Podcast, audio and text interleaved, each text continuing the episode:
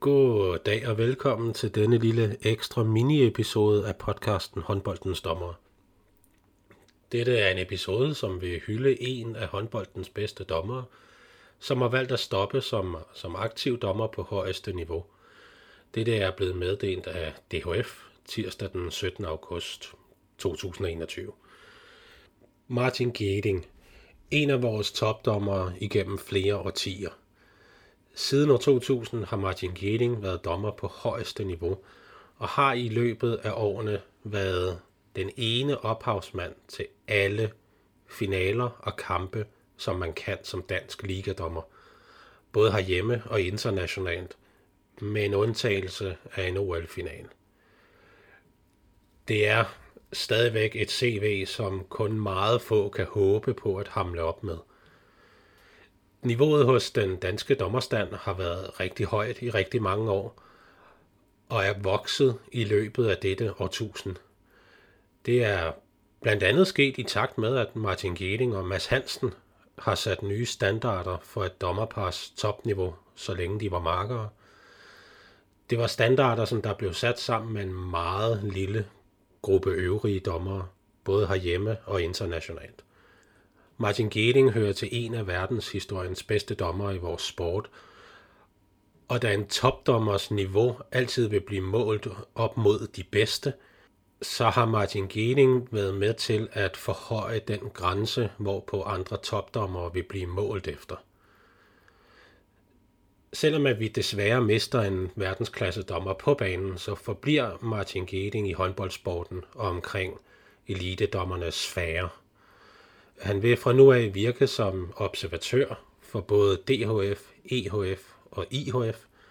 Han vil være både talentdommer ansvarlig og elitedommer træner for DHF. Og så håber han, efter eget udsagn, fortsat at blive udtaget til at dømme i Lykkeligaen. Må ikke han kan få en opgave eller to der fortsat. Hvis man skulle fremhæve alle hans verdensklassepræstationer gennem årene, så vil denne mini-episode af podcasten tage omkring 3,5 time som minimum. så der må i stedet fremhæve en enkelt. Og det er nemlig VM-finalen i 2017 mellem Frankrig og Norge. Det var en kamp, som der øh, endte resultatmæssigt med at være en pæn forskel på de to hold. Men helt op til den sidste håndfuld minutter – der var det en VM-finale, som foreskrev et rigtig højt niveau og en rigtig tæt kamp. Og dommernes indflydelse til, at det blev en så seværdig øh, verdensmesterskabsfinale, den indflydelse må ikke øh, undervurderes. Øh, for mig der vil denne kamp altid være fremhævet som et eksemplarisk uhørt højt dommerniveau og, øh, og som en af de 4-5 bedste dommerpræstationer i professionel håndboldshistorie.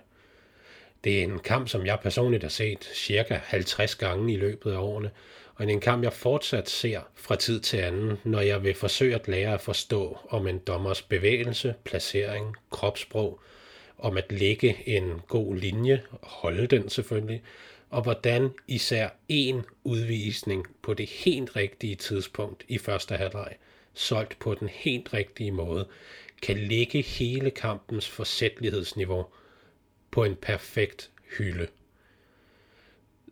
Og så handlede resten af kampen om at følge den linje, og det blev gjort. Så mit råd ville være, find kampen, se den, analysere den og blive en bedre dommer, eller se den, analysere den og blive en bedre træner eller spiller, for at forstå, hvad det er, dommerne gør. Til sidst så vil jeg komme med et, et af de bedste råd, som jeg har fået som dommer.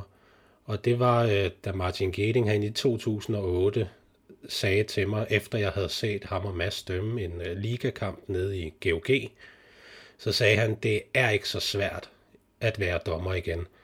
Du skal bare dømme rigtigt, og så lad være med at besværliggøre tingene, så løser resten sig selv. Hmm, det var lidt en skam, at jeg ikke lyttede efter ham, vil mange mene. Jeg vil slutte af med at sige tak for lytningen, og tak for denne gang. Det var en kort mini-episode, så for en gang skyld lever den op til navnet. men det var også ment som en hyldest.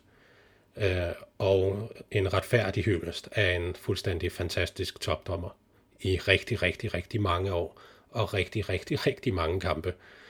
Vi lyttes ved, når den kommende sæson af podcasten starter i oktober, og øh, hvis man vil vide lidt mere om, hvad der er, der sker løbende, og øh, hvem det eventuelt sker med, så kan man følge podcasten på de sociale medier.